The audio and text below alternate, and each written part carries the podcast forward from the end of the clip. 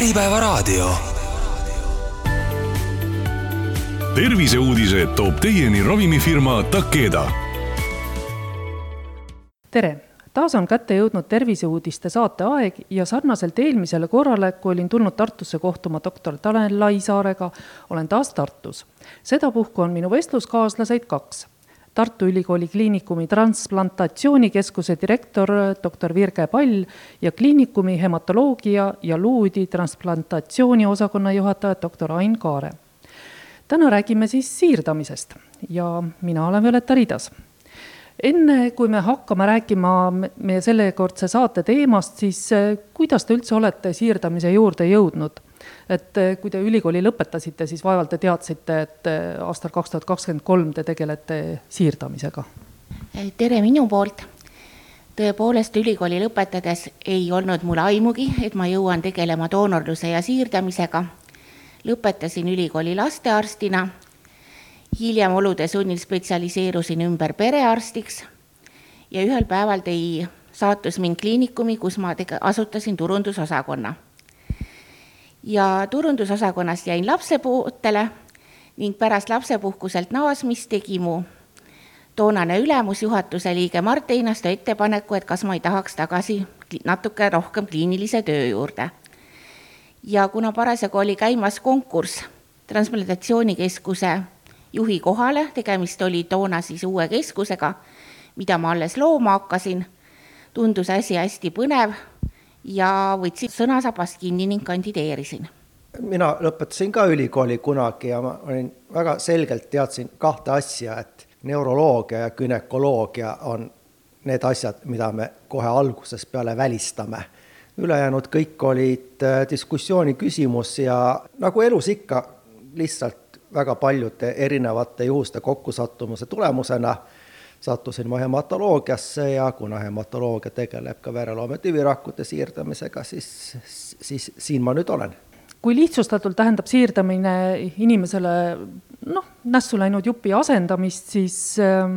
aga ilmselgelt see ei ole vist nii lihtne nagu autole, et vaatad, ahah, et see hammasratas on kulunud, paneme uue. et mida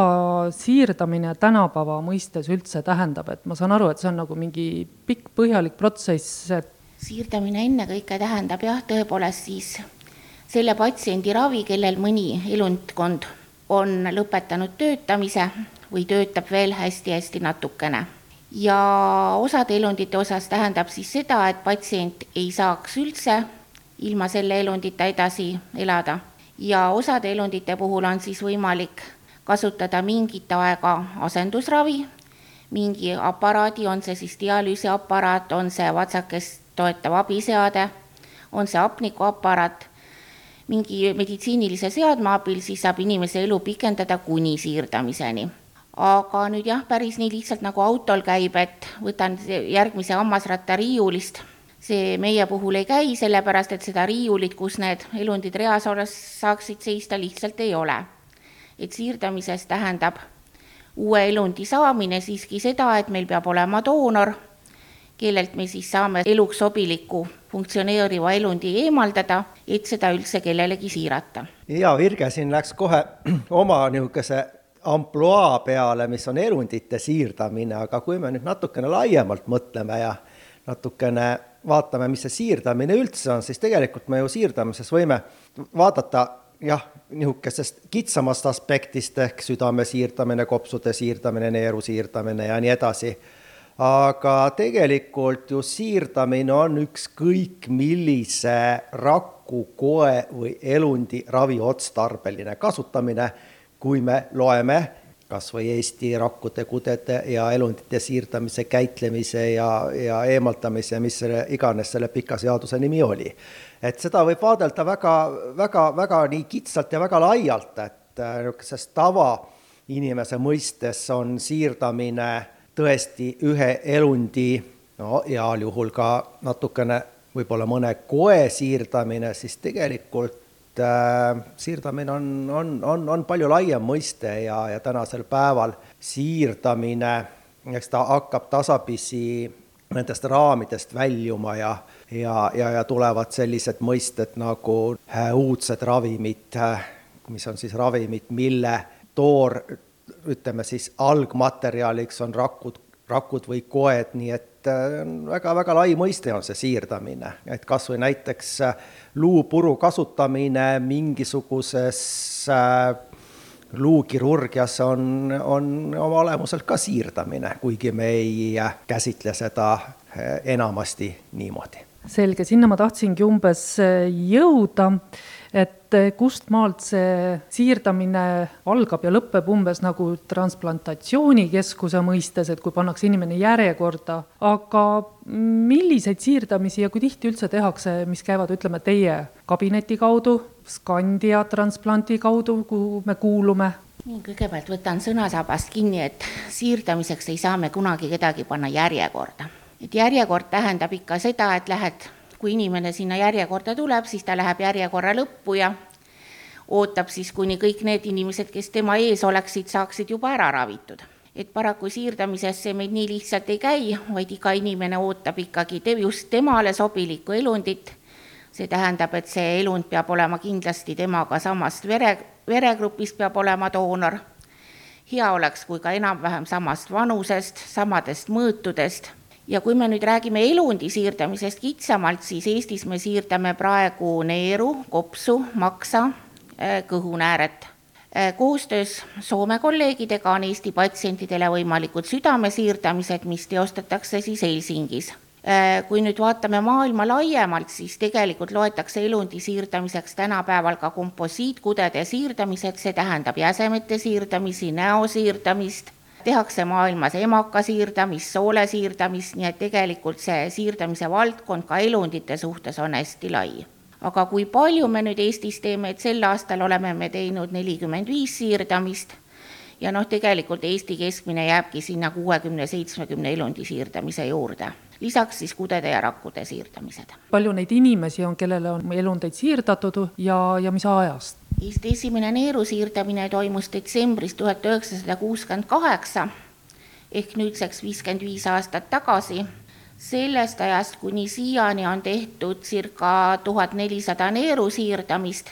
ja teiste elundite siirdamised lisaks. Ja kui me vaatame seda, et kui palju meil Eestis on praegu töötava siirikuga, elundisiirikuga inimesi, siis neid on suurusjärgus seitsesada viiskümmend inimest täna ja praegu kui sõna doonor on tegelikult ju inimestele hästi tuttav, sellepärast et noh, veredoonorlus on ähm, üsnagi levinud ja õnneks on ta levinud, siis äh, see teine pool, kes selle mm, uue elundi saab, ehk retsipient, on nagu suhteliselt võõras sõna. aga kes need inimesed on, kes neid, ähm, noh, siin oli juttu ka, et, et mingid organid on juba äh, hakanud üles ütlema, et, et siis, siis nad saavad. Aga seal on ka neid välistusi ju, kes kindlasti ei saa, et, et mis tingimustele nad peavad vastama, et, et neil üldse oleks lootust saada, sest et kui inimene on äh, vähihaige, siis ma saan aru, et tal ei ole vist seda. No tänapäeval tegelikult ei ole ka vähk enam välistav haigus, aga sel juhul peaks see vähk olema hästi varakult leitud ja ravitud, välistamaks siis seda, et pärast siirdamist ei nakatuks või ei tekiks uues elundis kohe vähki et näiteks maksa siirdamistel on maksavähk üsna levinud põhjus, miks me maksa siirdame. aga kes nüüd on elundi saaja üldse, siis see ampluaa on hästi lai, alates siis väikestest lastest, kes juba sünnivad kas ilma mõne elundita või mõne elundi väärarenguga, mistõttu nad vajavad siirdamist ja ka ülemine vanusepiir muutub üha laiemaks. Kui me siin aastaid tagasi rääkisime, et see on kusagil kuuskümmend, kuuskümmend viis aastat, siis meie inimesed elavad järjest tervislikumat elu, haigused on järjest paremini kontrollitavad ja üha enam me siirdame ka seitsmekümneaastaseid patsiente ja seits-, kuni seitsekümmend viis, ütleme, on see piir praegu. aga mm, kes need doonorid on, et ma saan aru, et need doonorid tegelikult on ju need inimesed, kellega on siis, kes on täis elujõus, terved ja nendega on mingi õnnetus juhtunud see võib olla õnnetus, aga see võib olla tegelikult ka äkki tekkinud haigus. ennekõike siis sellised ajukatastroofid, ajuveresoone lõhkemine, ajuinsuldid, äh, ka healoomulised ajukasvajad, nii et tegelikult selliseid vanas mõistes klassikalisi hulgitrauma patsiente satub meil doonoriteks üha vähem, sest tegelikult ka meie liikluses autod muutuvad paremaks, turvalisemaks, inimesed on autos õnnetuse ajal rohkem kaitstud. Ja siis tegelikult ongi niimoodi, et äh, võib-olla ainult kolmandik on selliseid klassikaliseid traumapatsiente, ülejäänud on ikkagi inimesed, kes surevad mingisse haigusesse ja siis satuvad doonoriks. Te olete teinud viimastel aastatel selliseid kampaaniaid ka, et inimesed märgiksid digiloos, et nad on valmis loovutama oma organeid pärast ähm, surma surma. mina olen ka selle linnukese teinud ja siis äh, mulle üllatuseks, äh, see on nüüd natuke irriteeriv selline küsimus, et, et igast põnevaid linnalegende liigub viimasel ajal, noh, siin mis iganes teemal, eks ole, aga üks käib ka doonorluse kohta. kui sina paned sinna digilukku omale selle linnukese, siis hakatakse sind äh, sellise tagavaraosade laona liikuvana nägema ja ära sina mitte looda, et sind siin nagu pärast seda elustama hakatakse, kui midagi juhtub, et et palun lükake see lihtsalt ümber kuidagi mõistlikult. kas te elustamiskursustel olete käinud? ma kukun siin tooli peal praegust kokku, te hakkate mind elustama, vaatate mind kui tagavaraosade ladu, logite arvutisse sisse. Ah,, kõigepealt te peate teadma, kes ma olen, mis mu nimi on, mis mu isikukood on, logite arvutisse sisse püüate õnnetus digiloos kuidagi jõuda minu andmeteni, vaadata, kas mul on linnukene või ei ole linnukene ja siis vaatate, kas te hakkate mind elustama või ei hakka mind elustama. selleks ajaks ma olen ammu surnud ja sellest elustamisest ei ole mitte midagi kasu. meis ikka on mingisugune arstieetika säilinud. ma ise mõtlesin muidugi esimese asjana, et kui äh, mitte elustada, siis ei ole ju ka nende organitega mitte midagi teha, et ka, ka selleks on vaja elustada puhtalt juba jah, seda ka loomulikult, et äh, jah, et äh, aga ma ikkagi tuleks sinna, sinna eetilise aspekti juurde tagasi, et, äh, et see on tegelikult kõikidele arstidele, kes vähegi inimeste ravimisega tegelevad, väga solvav, kui neid kahtlustatakse milleski sellises kui me nüüd oleme jõudnud sinnamaani, et inimesega, no ühesõnaga, ta ei ole võimeline elama, tal on seal mingid organid, ta on andnud selle loa, tal on mingid organid, mida saab siirata, on ka olemas see inimene, kes vajab neid hetkel ja talle sobivad. mis protsess las-, lahti läheb üldse? järgnevad siis hästi põhjalikud uuringud selles suhtes, et me siirdamisega ei teeks rohkem kahju kui kasu et alustame siis sellistest sobivusuuringutest, veregrupi määramisest, HLA antigeeni määramisest, äh, määrame, kui heas seisus see elundi funktsioon on, püüame siis määrata seda sobivust, et kui see, milline võiks olla äratõukerisk selle konkreetse retsipiendi ehk elundi saajaga, nii et järgnevad tegelikult sellised hästi põhjalikud uuringud, pluss me peame välistama selle, et sellel doonoril ei oleks mõnda haigust mille me retsipiendile üle kastaksime, kas siis verega levivat haigust või kasvajalist haigust ennekõike. Need ajad on ju tegelikult väga piiratud, kas see oli mingi neli tundi äkki või kui, või kui mitu tundi on üldse aega nende protseduuride läbiviimiseks, kui kiiresti need vastused peavad tulema? Äh, iga tegevusega on, et mida rutem, seda parem meie puhul, aga tegelikult see aeg, mis nüüd on surmahetkest kuni doonoroperatsiooni alguseni see võib olla tegelikult isegi kuni ööpäev, sõltub muidugi ka sellest, mis põhjusel see doonor suri, kui heas seisus tema elundid on. aegkriitiliseks läheb asi siis, kui me oleme juba doonoroperatsiooniga alustanud ja kui doonorelundid on eemaldatud, vot siis hakkame me lugema tõepoolest tunde, aga ka minuteid. Ja siis on meil aega selleks, et elund jõuaks doonorist retsipiendini südame puhul tõepoolest neli tundi kopsude puhul kuus kuni kaheksa tundi, kõhukoopailundite puhul natukene rohkem, aga ka mitte roh-, kauem kui ööpäev. me kuulume sinna Skandinaavia organisatsiooni, mis kasu meil sellest on olnud või, või mis kasu teised saavad sellest, et meie sinna kuulume? kuulumine Skandia transplanti annab kasu ennekõike nendele patsientidele, kes vajavad väga kiiret siirdamist näiteks võin tuua siin maksasiirdamise, kus on lausa seatud tundides piir et kui arstide konsiilium leiab, et ilma siirdamiseta oleks selle patsiendi prognoos elule vähem kui seitsekümmend kaks tundi, siis me võime ta võtta erakorralisele ootelehele. ja see erakorralisus tähendab siis seda, et mis tahes Põhjamaa haiglas tekib võimalik doonor sellest veregrupist, sellele patsiendile sobib, siis see elund saadetakse meie erakorralisele patsiendile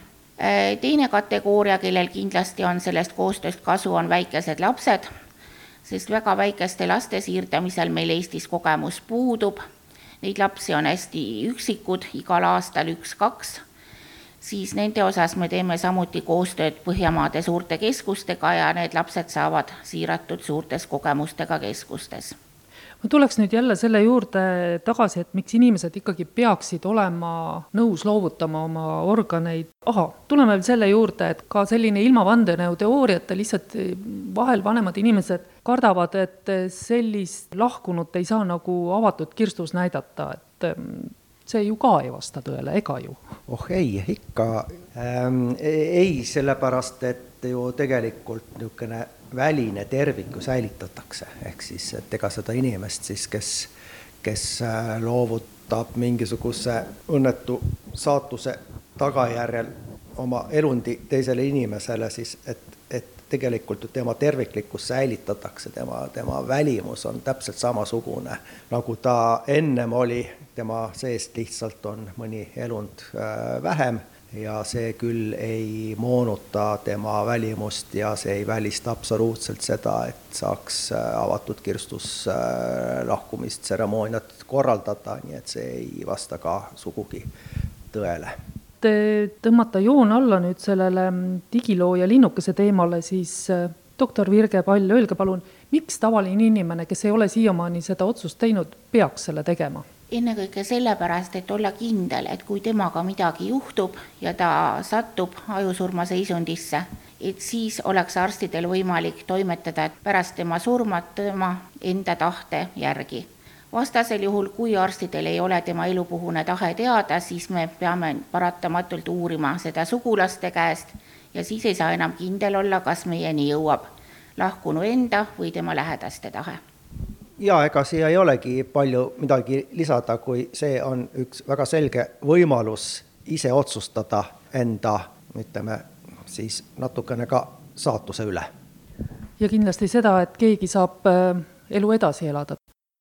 Doktor Kaare Te tegelete vereloome tüvirakkude siirdamisega ja saite selle töö eest aasta alguses ka teenetemärgi presidendilt. kui tavaline inimene kujutab laias laastus ette, mida tehakse südant või kopse siirdades, siis vereloome, et kas see lihtsalt vereülekanna siis ei võiks olla, et miks me nagu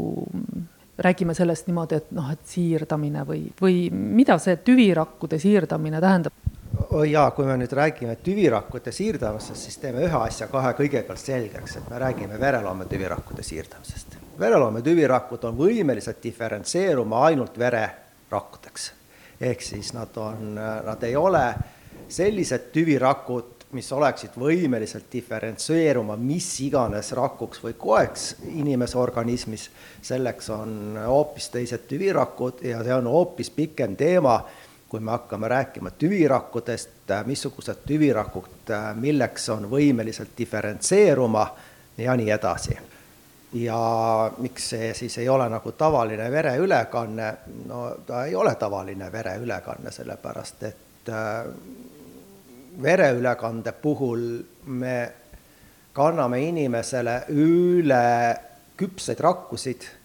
mis mingisuguse ajaperioodi on võimelised äh, selle inimese organismis tsirkuleerima, kellele nad üle kanti, näiteks trombotsüüdid viis kuni seitse päeva ja retrotsüüdid äh, noh, elavad maksimum sada kakskümmend päeva, äh, ülekantud retrotsüüdid küll nii kaua ei ela, et see, see vereülekande või verekomponentide ülekanne on väga lühiajalise efektiga, aga kui me kanname vereloome tüvirakkusid üle, siis me kanname üle rakkusid, millel on, millel on sellist kaks äh, unikaalset äh, omadust, üks omadus on see, et nad äh, on võimelised iseennast taastootma, ehk siis tüvirakust tekib uu, uus tüvirakk ja teine unikaalne omadus on see, et nad, nende, neil on võime diferentseeruda, ehk siis nad on võimelised arenema ükskõik milliseks vererakuks. kust neid saab? ühesõnaga, kellelt neid saab kas nad võetakse siis äh, luuüdist, et see, seda ei saa ju veenist välja tõmmata või ütleme, ma niimoodi nagu üritan asjast aru saada praegu võhikuna. ja kuidas neid siis siiratakse konkreetselt? erinevalt nüüd elundi doonorlusest äh, on vereloome tüvirakkude doonorid äh, elusdoonorid, ehk siis tavaline inimene tänavalt võib, võib olla vereloome tüvirakkude doonoriks. et äh, jah, hakkame nüüd äh, pihta sellest, et, et, et, et kes, kes siis nagu doonorid on, et äh, kõige parem on, kui, kui meie enda õde või vend on meile doonoriks, aga kui me võtame ja meenutame siin natukene mingisugust gümnaasiumi või keskkooli bioloogiat ka eelmises saatejupis natukene meenutati, siis, äh, siis läheme tagasi Mendeli juurde ja kuidas ta oma lillherneid äh, külvas, valgeid ja punaseid ja sai sealt roosasid ja punaseid ja valgeid, siis seesama geneetika kehtib ka meie õdede-vendade puhul, siis ehk siis äh, tõenäosus, et meie õde või vend meile doonoriks sobib, on ainult kakskümmend viis protsenti. ehk siis seitsekümmend viis protsenti on tõenäosust, et meie õde või vend kui meil peaks olema vaja teostada vereroome tüvirakkude siirdamist, meile doonoriks ei sobi. teine variant on äh, vabatahtlikud äh, registridoonorid, et äh, maailmas on, ma isegi ei oska enam seda, seda arvu öelda, et see võib olla kuskil paarikümne miljoni juures juba nende inimeste arv, kes on liitunud erinevates riikides vereloome tüvirakkude doonorite registriga ja andnud sellega siis nõusoleku vajadusel loovutada oma vereloome tüvirakkusid ükskõik kellele, ükskõik kus äh, maailma otsas see rakkusid vajav inimene ka ei oleks. ja kolmas variant doonoriks on äh, siis, seda nimetatakse haploidentseks doonoriks, ehk siis see on doonor, kes on geneetiliselt ehk siis koesobivuse antigeenide poolest sobiv meile viiekümne protsendi ulatuses ja siin me eelkõige räägime sellest, et äh, lastele nende ema ja isa on alati viiekümne protsendi ulatuses äh, sobiv või siis vastupidi, lapsed omale emale ja isale. Äh, ja ka õdede-vendade puhul ka sellist viiekümneprotsendilist sobivust esineb, et see on siis kolmas variant, kust kust, äh, kus, kes siis on vereloomet tüvirakkude siirdamised, doonorid. nüüd järgmine küsimus, see, et, et kuidas me need tüvirakud siis doonori käest kätte saame. et siin on jällegi, siin on kolm erinevat võimalust, et äh, kõige klassikalisem ja, ja, ja kõige esimene ajalooliselt on tõesti seesama luudist äh, vereloome tüvi, tüvirakkude võtmine ehk siis luudi võtmine, selleks siis nõelaga punkteeritakse Äh, ülemisi, tagumisi niudeluuharjasid ja süstlaga lihtsalt sealt äh, aspireeritakse vajalik hulk äh, luudi ja, ja, ja, ja see siis, seda siis on võimalik kasutada tüvirakkude allikana. Teine variant, mis on kõige enam kasutatav, on see, et teatavate erinevate ravimite toimel on võimalik mobiliseerida Äh, verloome tüvirakkusid luudist mingiks lühikeseks perioodiks äh, lahkuma ka vereringesse. Ja siis on neid sealt võimalik koguda, ehk siis neid, neid nimetatakse perifeerse vere vereloome tüvirakkudeks. Ja neid siis on võimalik spetsiaalse aparatuuriga koguda. Ja kolmandaks vereloome tüvirakkude allikaks on siis äh, platsentaar- ja nabaväediveri ehk siis koheselt peale lapse sündi Äh, platsendast ja nabaväedist kogutud veri, mis on, on ka äh, tüvirak-, võib olla vereloome tüvirakkude allikaks. ja see siis, kes saab need tüvirakud, temale siis kuidas need üle antakse? Äh, see vereloome tüvirakkude ülekandmine, see on selle protsessi juures kõige lihtsam. see on, on, näeb tegelikult välja nagu vereülekanne, ehk siis äh, ehk siis nad kantakse üle veeni, et nad tsirkuleerivad siis äh, selle patsiendi vereringega, vereringes ja, ja jõuavad, jõuavad luudisse ja pesastuvad seal ja hakkavad äh, seal edasi arenema, et see tehniliselt, see rakkude ülekandmine on, on, on hästi lihtne kui siin äh, suuremate organite siirdamisel tekib probleem selle äratõukereaktsiooniga ja siis nad vist, äh, need inimesed peavad enam-vähem elu lõpuni sööma neid äh, ravimeid, et kõik ikka hästi läheks, siis ma saan aru, et vereloome puhul seda probleemi ei ole või on siiski? oi ei, vereloome töörakkude siirdamise puhul on veel hulga rohkem probleeme. kui selle õnnetu elundi siirdamise puhul. mis on vahe? vahe on ju selles, et me siirdame immuunkompetentset, immuunkompetentseid rakkusid, ehk siis tegelikult siin see äratundmine on vastastikune, ehk siis ühelt poolt see patsient, kellele need rakud siiratakse, tunneb et need rakud, mis talle üle kantakse, on võõrad ja püüab neid ära tõugata, aga samalt poolt ju ka seesama vereloome tü-, ülekantav vereloome tüvirakkude produkt on tegelikult oma olemuselt äh, segu erinevatest rakkudest, mille seas ühtlasi on ka vereloome tüvirakkuside. ehk siis seal on äh, nii T-lümfotsüüte, B-lümfotsüüte kui teisi immuunkompetentseid rakkusid, mis siis tunnistavad selle organismi võõraks, kuhu nad üle kantakse ja püüavad seda ära tõugata, ehk siis seda nimetatakse transplantaatperemehe vastaseks reaktsiooniks või haiguseks. ja see on tegelikult vereloome tüvirakkude siirdamise juures kõige suurem probleem. Aga mis puudutab nüüd immuunsupressiivsete ravimite tarvitamist, siis vereloome tüvirakkude siirdamise puhul see ei ole eluaegne,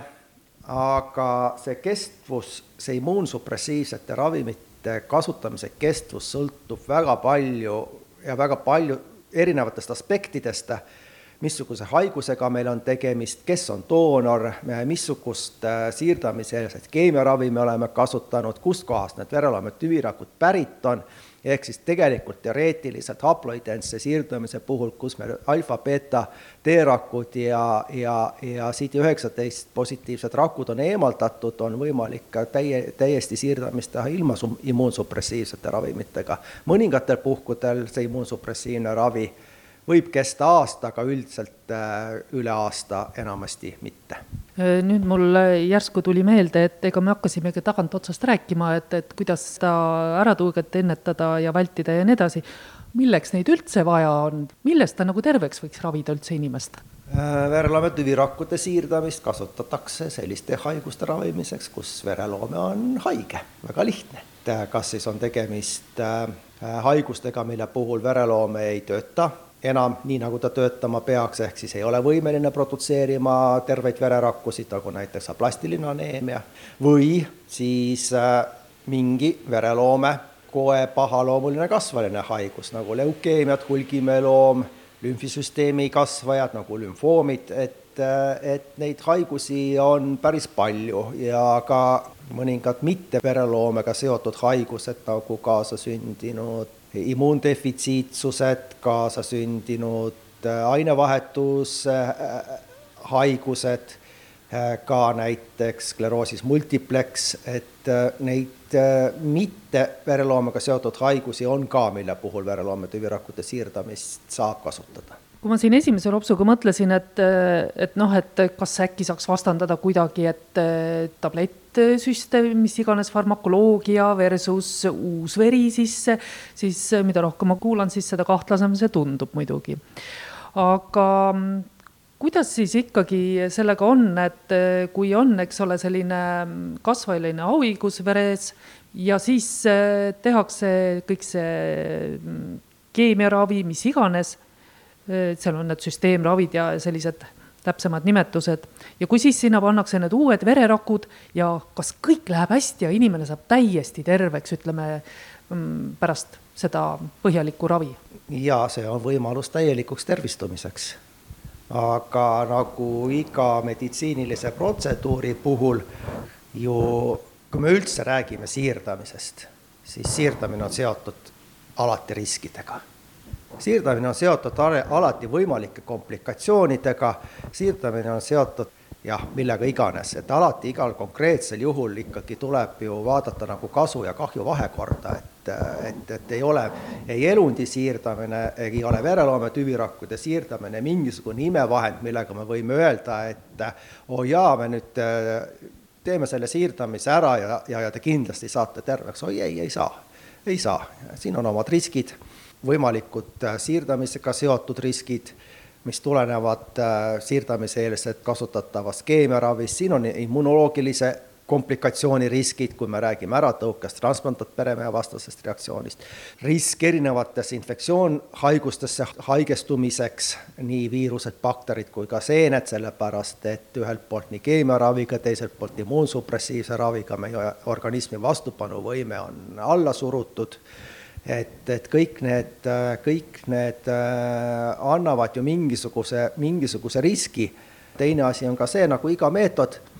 ükskõik millise ka kõige lihtsama haiguse, kõige lihtsama ravimeetodi me võtame, siis äh, mitte kunagi ei saa mitte kuskil olla seda, et, et on sajaprotsendiline õnnestumine. et alati on ka see, et tehniliselt võib siirdamine kulgeda väga hästi ilma oluliste komplikatsioonideta,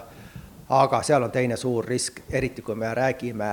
pahaloomulistest haigustest, et ikkagi see haigus äh, võib ka siirdamise järgselt tagasi tulla aga siirdamine on väga paljude haiguste puhul võimalus täielikuks tervistumiseks jah, paraku see silmaga nähtav maailm on ikka väga lihtne võrreldes kõige sellega, mis meid tegelikult ümbritseb ja mis meie sees on. Aga kui me tuleme siin sellistesse utoopiasse ja võib-olla tulevikuvisioonidesse ja et kuhu see, kuhu see siirdamiste maailm üldse liigub, et kas võib tulla näiteks ühel hetkel kätte see päev, kui äh, saab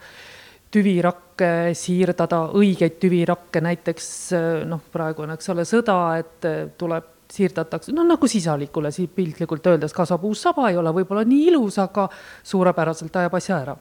Et kas on ka midagi sellist nagu teadusmaailmas loota? Või, või, või kasvatatakse näiteks katseklaasis midagi valmis ja siis äh, istutatakse külge ja läheb edasi ja siis noh, ikkagi nagu sellise mm, konkreetse inimese järgi, et ei oleks neid igasuguseid äh, üh-, ühilduvusprobleeme selleks on meil vaja selliseid tüvirakke, mis on võimelised diferentseeruma erinevateks kudedeks ja organiteks. Ja tänapäevase meditsiiniteadmiste juures meil ei ole mitte kuskilt selliseid tüvirakkusid võtta, need peaksid olema embrüonaalsed tüvirakud, ehk siis äh, tüvirakud, mida saadakse esimestel päevadel peale munaraku ja, ja, ja, ja seemneraku ühinemist ja siin on väga selged eetilised aspektid, äh, mis ei, tänasel päeval on ikkagi väga selgelt seisukoht, et Äh, selliseid tüvirakkusid ei saa sellisel äh, viisil kasutada, sest et see on väga selgelt, siin on omad eetilised aspektid, mida me peame jälgima, sest et tegelikult ka embrüo on juba elav organism ja me keegi ei taha, et meid tehakse varuosadeks, nagu me ennem siin ka rääkisime varuosadest. et noh, teine võimalus on see, et nagu rohkem diferentseerunud tüvirakke ümber programmeerida, püüda niimoodi mõjutada, et nad oleksid võimelised diferentseeruma erinevateks kudedeks ja elunditeks.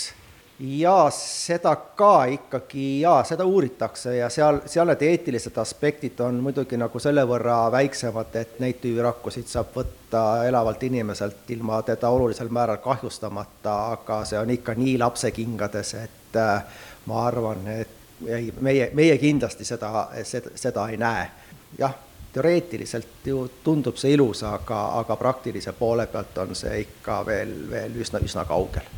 Aga mis on selline praegu reaalne lähitulevik eh, siirdamismaailmas, näiteks doktor Kaare, millest teie oma töös praegu puudust tunnete, mis, eh, mis te teate, et kohe-kohe võiks tulla, aga veel Eestis näiteks ei ole või, või